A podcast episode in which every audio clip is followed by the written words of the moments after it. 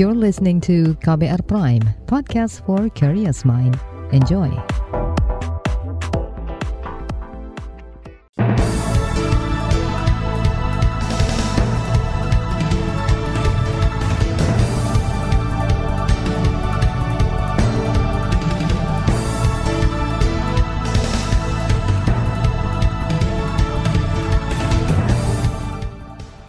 Selamat pagi saudara, senang sekali kami bisa menjumpai Anda melalui program Buletin Pagi edisi Senin 29 Agustus 2022 bersama saya Roni Sitanggang.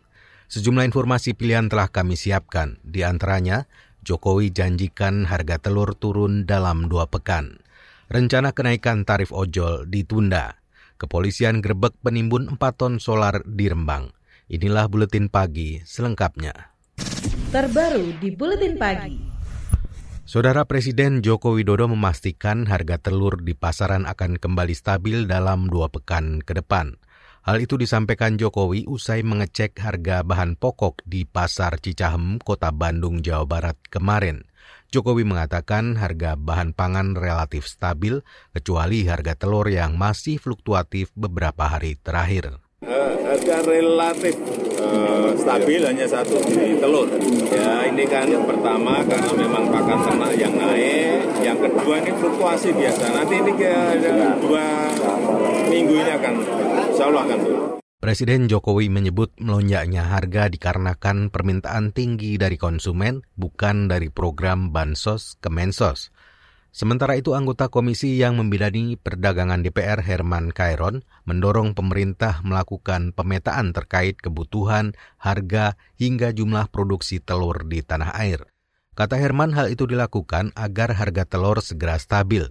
Beberapa hari terakhir harga telur mengalami kenaikan bukan hanya memperhatikan stabilisasi di tingkat konsumen atau memperhatikan terhadap keterjangkauan di tingkat konsumen, tetapi juga harus stabil di tingkat produsen. Harus ada harga keekonomisan di tingkat produsen sehingga juga menjaga keberlangsungan produksinya. Oleh karena itu pemerintah saya kira harus betul-betul cermat, menghitung dan mengeluarkan kebijakan yang pas sehingga betul-betul ini memberikan keuntungan baik bagi konsumen maupun bagi produsen. Anggota Komisi Perdagangan DPR Herman Kairon meminta pemerintah cermat menghitung dan mengeluarkan kebijakan sehingga dapat memberikan keuntungan baik bagi konsumen maupun produsen.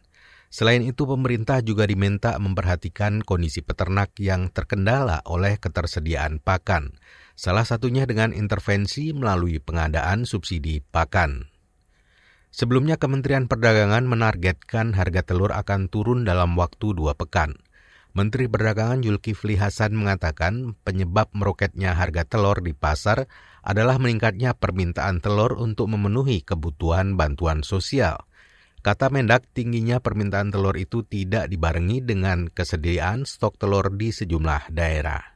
Apa masalahnya? Memang bukan Ibu Risma, tapi Ibu Risma memberikan bantuan ke daerah-daerah itu ya. Nah daerah-daerah itu uangnya itu dibelanjakan dalam bentuk bantuan sembako. Hanya waktu lima hari. Salah satu isinya telur. Nah ini rapel tiga bulan uangnya agak banyak. Jadi ada permintaan lima hari mendadak, pasar kurang suplainya.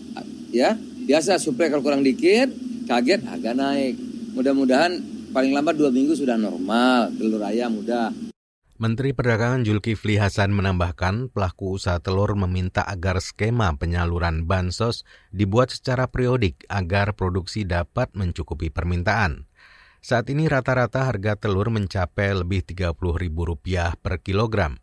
Sebelumnya harga telur berada di kisaran Rp25.000 per kilogram.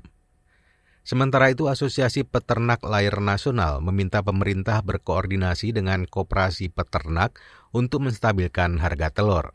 Menurut Ketua Umum Asosiasi Peternak Layar Nasional Musbar Mesdi, pemerintah kurang merangkul koperasi peternak. Selama ini yang jadi pertanyaan kita adalah pemerintah itu merangkul koperasi peternak apa merangkul siapa gitu yang menyebabkan harga telur kita di masyarakat itu naiknya cukup tinggi. Jadi kita sendiri di peternak kita harganya masih normal-normal aja gitu loh. Kayak sekarang yang ada saya gambarkan ya, harga sekarang di tingkat peternak tuh hanya sekitar 25 sampai 26 ribu. Kenapa harga di pasar itu masih 32 ribu? Ada apa ini gitu loh. Itu tadi Ketua Umum Asosiasi Peternak Layar Nasional Musbar Mesdi. Sedangkan menurut ekonom, penyebab meroketnya harga telur ayam karena multifaktor bukan hanya permintaan untuk bantuan sosial. Direktur Eksekutif Lembaga Pemantau Ekonomi Indef Tauhid Ahmad mengatakan, produksi telur dipengaruhi kebijakan penyeimbangan permintaan dan penawaran melalui pembatasan atau cutting telur tetas atau HE. Selain itu terjadi peningkatan konsumsi telur ayam di masyarakat. Itu yang kedua adalah harga pakan itu meningkat. Pakan ini eh, kalau kita lihat kan sumber utamanya yang pertama jagung. Nah, karena harga jagung meningkat, akhirnya terjadi penyesuaian. Begitu pula komponen eh, misalnya untuk obat-obatan dan sebagainya banyak yang diimpor sehingga terjadi tekanan kos pakan ternak baik untuk uh, pedaging maupun petelur sehingga memang akhirnya meningkat. Direktur Eksekutif Indef Tauhid Ahmad berharap pemerintah menambah kuota cutting telur tetas. Namun kata dia penambahan itu tetap mempertimbangkan keseimbangan penawaran dan permintaan, harga-harga telur tidak anjlok dan merugikan peternak. Pemerintah juga diminta menekan ketergantungan terhadap bahan baku impor misalnya meningkatkan produksi bahan baku atau pakan ternak lokal. Saudara, di bagian berikutnya kami akan berbincang tentang asosiasi guru nilai RUU Sisdiknas bermasalah dan minta dibatalkan. Informasinya hadir saat lagi, tetaplah di Buletin Pagi KBR. You're listening to KBR Pride, podcast for curious mind. Enjoy!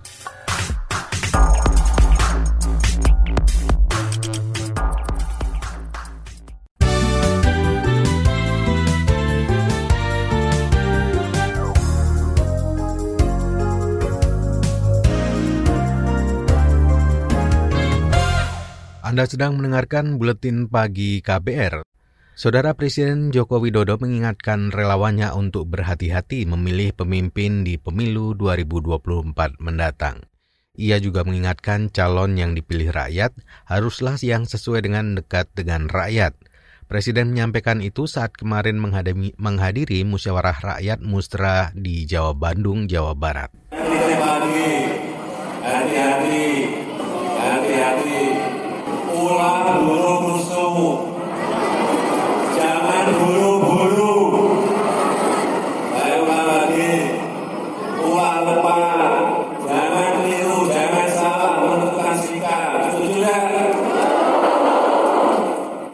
Dalam acara musyawarah rakyat Musra Indonesia di Bandung, Presiden Joko Widodo kembali menerima dukungan untuk maju ketiga kali sebagai calon presiden. Menanggapi itu, Jokowi mengatakan konstitusi tidak membolehkan. Dia menegaskan akan selalu taat pada konstitusi dan kehendak rakyat.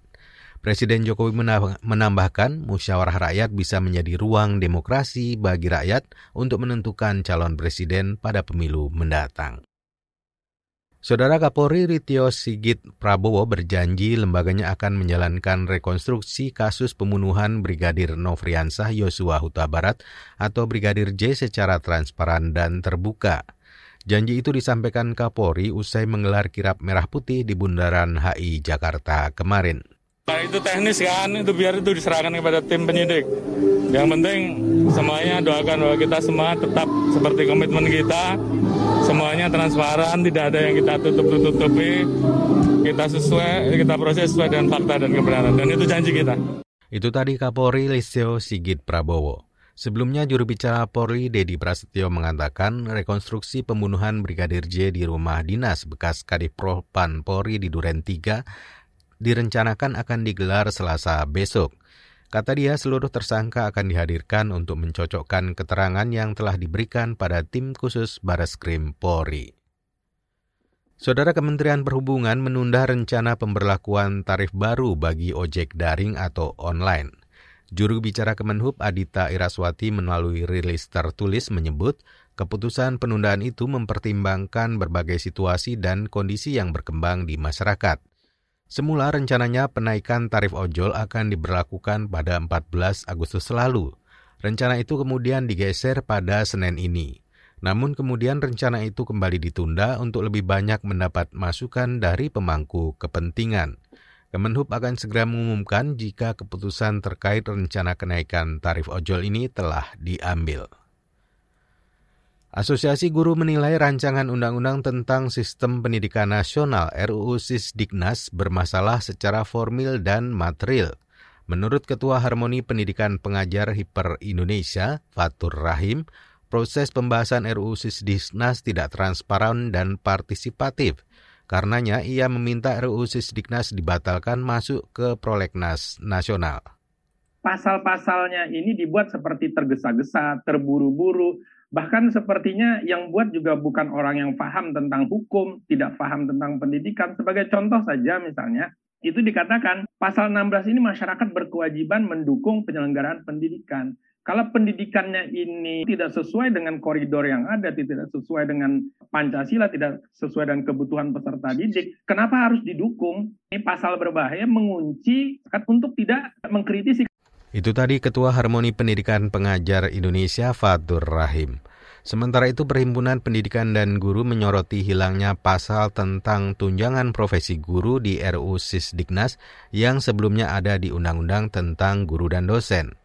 RUU Sisdiknas disebut akan menghapus dan mengintegrasikan tiga undang-undang sebelumnya terkait pendidikan, salah satunya undang-undang tentang guru dan dosen ini. Saudara ahli epidemiologi mengingatkan prinsip kehati-hatian saat uji klinik vaksin COVID-19 pediatrik atau untuk balita. Epidemiolog dari Universitas Indonesia Tri Yunis Miko Wahyono menyebut imunitas balita lebih rentan ketimbang dewasa. Yunis mendorong Badan Pengawasan Obat dan Makanan BPOM menggandeng Komite Penasihat Ahli Imunitas Nasional ITAGI sebelum mengizinkan pemberian vaksinasi COVID-19 pediatrik. Menurut saya ITAGI dulu ditanya apakah ITAGI boleh, boleh, baru uh, kemudian Badan POM mengizinkan begitu. Kalau Badan POM mengizinkan kalau ITAGI udah approve. Nah, menurut saya kalau sudah dikaji dengan studi-studi klinik trial satu fase satu dua sampai tiga itu kan berarti sudah aman. Hmm. Jadi apa yang ditakutkan begitu? Itu tadi epidemiolog Universitas Indonesia Tri Yunis Miko Wahyono. Sebelumnya Presiden Jokowi meminta Kemenkes menyediakan vaksin COVID-19 untuk anak usia di bawah 6 tahun atau pediatrik. Penyediaan itu sebagai upaya mitigasi penularan COVID-19 dan mengantisipasi adanya virus COVID-19 varian baru. Saudara pakar politik mendorong agar pemekaran wilayah atau daerah otonomi baru di Papua tidak mengabaikan suara penolakan masyarakat. Kata pakar politik Badan Riset dan Inovasi Nasional BRIN Siti Juhro, pemerintah harus memastikan masyarakat setempat tidak merasa dipinggirkan atau tercerabut nilai-nilai kearifan lokalnya program membangun kampung Papua, kampung cerdas tadi di Papua itu pembangunan yang dilakukan memang harusnya yang tadi itu tidak cukup hanya top down tapi harus bottom up. Jadi masyarakat terlibat secara utuh bisa melakukan itu dengan proses transfer eh, semua perencanaan konsep-konsep itu disampaikan dengan eh, ya memang harus disesuaikan dengan potensi dan tentu SDM yang ada di Papua. Pakar politik BRIN Siti Zuhro mengusulkan pemekaran wilayah di Papua harus disosialisasikan sebagai upaya mengakselerasi pembangunan. Kita beralih ke berita mancanegara. Seribuan orang tewas dan sekitar satu juta rumah hancur dalam banjir musiman di Pakistan yang terjadi Sabtu lalu. Angka korban tewas diperkirakan bertambah usai petugas menemukan hampir 120 orang dalam 24 jam terakhir. Badan Nasional Penanggulangan Bencana Pakistan mengatakan lebih dari 2 juta hektar tanaman budidaya musnah, 3.400-an kilometer jalan hancur, dan 140-an jembatan hancur. Banjir tahun ini juga berdampak ke lebih 37, 33 juta orang dan sekitar 1 juta rumah hancur. Kita beralih ke berita olahraga. Ganda putra Indonesia Muhammad Ahsan Hendra Setiawan kalah dari pasangan Malaysia Aaron Chia Soh Woi Zik di final ganda putra kejuaraan dunia bulu tangkis di Tokyo kemarin. Dalam pertandingan yang berlangsung di Metropolitan Gymnasium Tokyo itu, Ahsan Hendra kalah 19-21, 14-21 dari ganda Malaysia. Kekalahan Ahsan Hendra memastikan Indonesia tanpa gelar di kejuaraan dunia BWF 2022. Ganda dengan julukan The Daddies itu menjadi satu-satunya wakil Indonesia yang lolos ke partai final. Kekalahan ini menjadi yang pertama selama mengikuti ajang kejuaraan dunia. Saudara di bagian berikutnya kami sampaikan laporan khas KBR tentang upaya pemerintah turunkan harga tiket pesawat. Tetaplah di Buletin Pagi KBR. You're listening to KBR Pride, podcast for curious mind. Enjoy!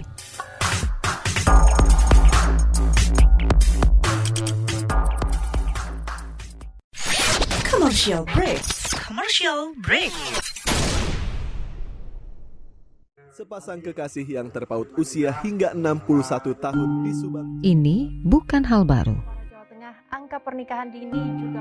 Kawin anak terus terjadi, sering kali menjadi viral, bahkan jadi bahan guyonan dalam kemasan berita yang sensasional. Seorang gadis berusia 18 tahun. Seolah ini bukan masalah. Tapi, bagaimana rasanya kawin ketika masih di usia anak? Sih perasaan saya tuh sebenarnya hancur waktu itu. Hancurnya bisa naik sekolah Iya, pengen banget sekolah. Lihat orang. Saya ajak kamu mendengar langsung suara mereka yang dikawinkan di usia anak. Ibu sama bapak tetap paksa untuk menikah. Saya tidak bisa memenuhi impian bapak ibu. Saya Malika. Ini adalah Disclose, serial podcast investigasi dari KBR. Yang penting saya mau ningkain cita-cita Disclose, dipaksa kawin. Bisa disimak di KBR Prime, Spotify, dan aplikasi mendengarkan podcast lainnya.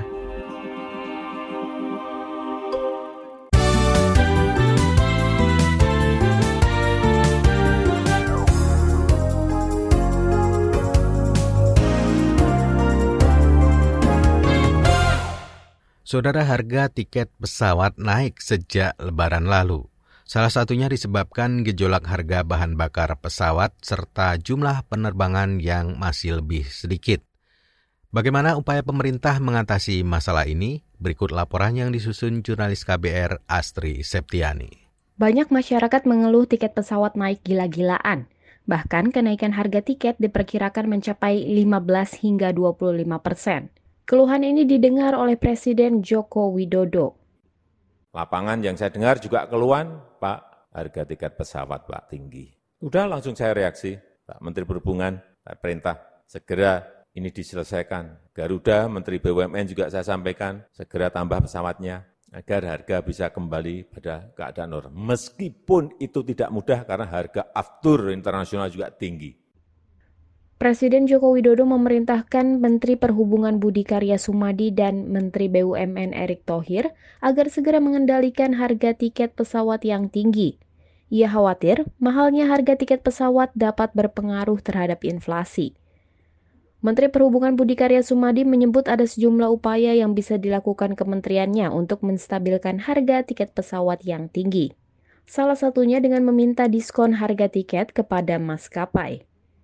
Ada tiga hal yang pokok yang kita akan lakukan. Yang pertama adalah bagaimana kita minta kepada seluruh stakeholder, terutama pada airline, untuk melakukan upaya-upaya tidak membuat tarif itu tinggi, harga lebih murah, memberikan diskon, eh, memberikan ruang-ruang efisiensi dan sebagainya.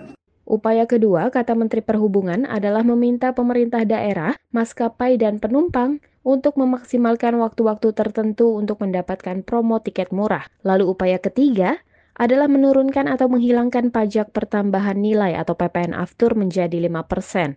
Hal ini tidak terlepas dari dampak kenaikan harga aftur yang membebani maskapai. Usulan pengurangan atau penghilangan pajak aftur ini didukung Menteri Pariwisata dan Ekonomi Kreatif Sandiaga Uno. Apalagi menurut Sandiaga, selama dua tahun ini maskapai penerbangan mendapat tekanan berat akibat pandemi COVID-19. Ini kita harapkan akan memberikan suatu uh, pendekatan yang win-win ya, bahwa airline-nya tidak dibebani karena baru saja dua tahun ditimpa oleh pandemi, jadi airline-nya diberikan keringanan dari segi pajak aftur. Hmm. Uh, karena itu juga salah satu yang uh, menjadi komponen cost yang sangat tinggi. Yang kedua adalah e, mengenai block seat. Jika mereka bisa memberikan kepastian dari jumlah seat yang akan dipakai, ini akan memberikan e, dampak yang sangat signifikan kepada penerbangan untuk menghitung kosnya berapa. Sementara itu Menteri BUMN Erick Thohir bakal mengupayakan penambahan jumlah pesawat untuk maskapai milik pemerintah seperti Garuda. Hal ini dimaksudkan agar harga tiket bisa ditekan. Penambahan pesawat ini dilirik setelah restrukturisasi pembayaran utang Garuda Indonesia selesai. Nah, tetapi inilah momentum yang baik saya rasa. E, tentu bagaimana sekarang recovery COVID sudah terjadi, pertumbuhan ekonomi kita sudah di 5,44. Makanya tadi kita sampaikan ke Bapak Presiden dan para menteri yang hadir, Garuda setelah restrukturisasi PKPU ini akan mulai menambah jumlah pesawatnya kembali di mana yang sekarang Garuda dan Citylink jumlahnya hanya 61 di akhir tahun akan mencapai angka 120. Nah, keseimbangan ini yang kita harapkan juga bisa memperbaiki harga tiket nasional. Menteri BUMN Erick Thohir juga memastikan penambahan pesawat akan menggunakan harga sewa sesuai harga pasar. Tidak seperti sebelumnya di mana pengadaan pesawat terindikasi korupsi. Di sisi lain, pengamat ekonomi mewanti-wanti pemerintah agar serius mengendalikan harga tiket pesawat Ekonom dari Kor Indonesia Yusuf Rendi mengatakan, kenaikan tarif transportasi termasuk tiket pesawat maupun ojek online akan memicu peningkatan inflasi. Yusuf Rendi mengatakan, kenaikan tarif transportasi akan sangat berpengaruh di kota-kota besar sehingga bakal berdampak pada inflasi nasional. Hanya saja uh, yang uh, saya khawatirkan adalah efek domino ketika misalnya tarif ini uh, terjadi dan ini berbarengan ya dengan tarif uh, tadi uh, juga disinggung uh, apa uh, hubungan tarif transportasi untuk pesawat misalnya.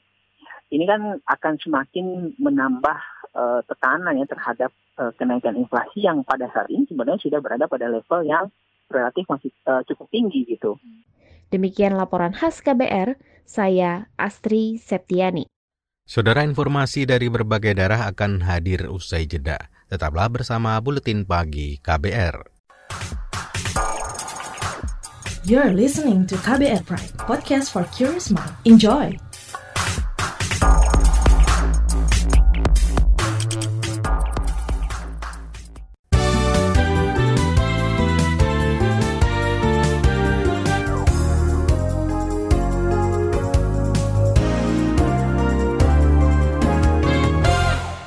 Inilah bagian akhir buletin pagi KBR.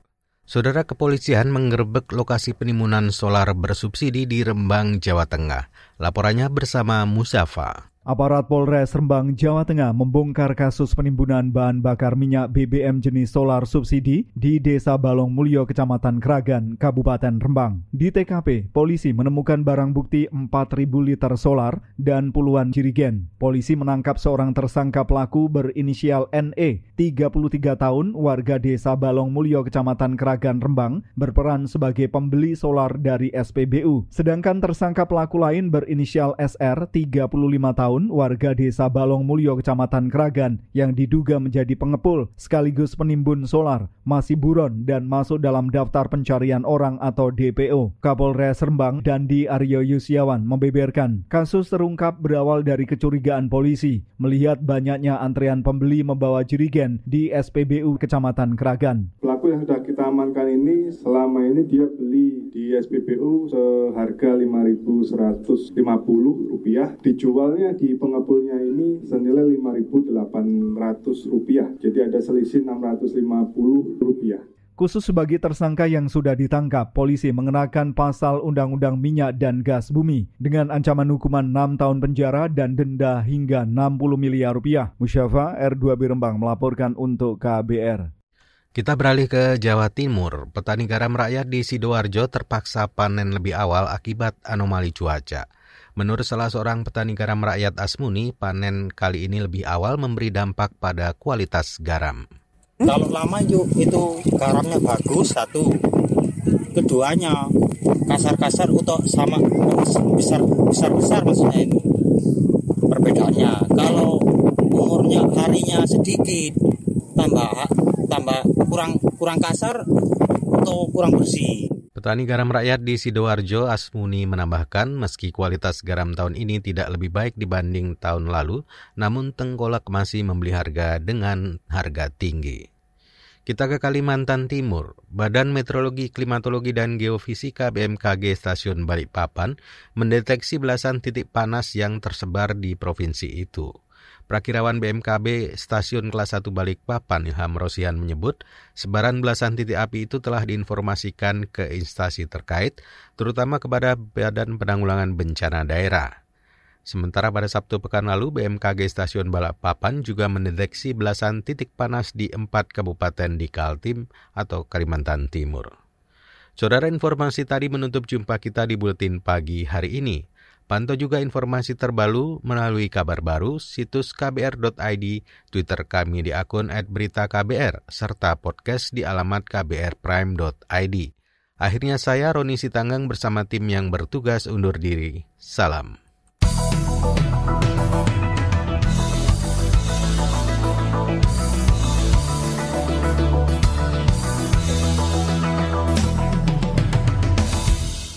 KBR Prime, cara asik mendengar berita.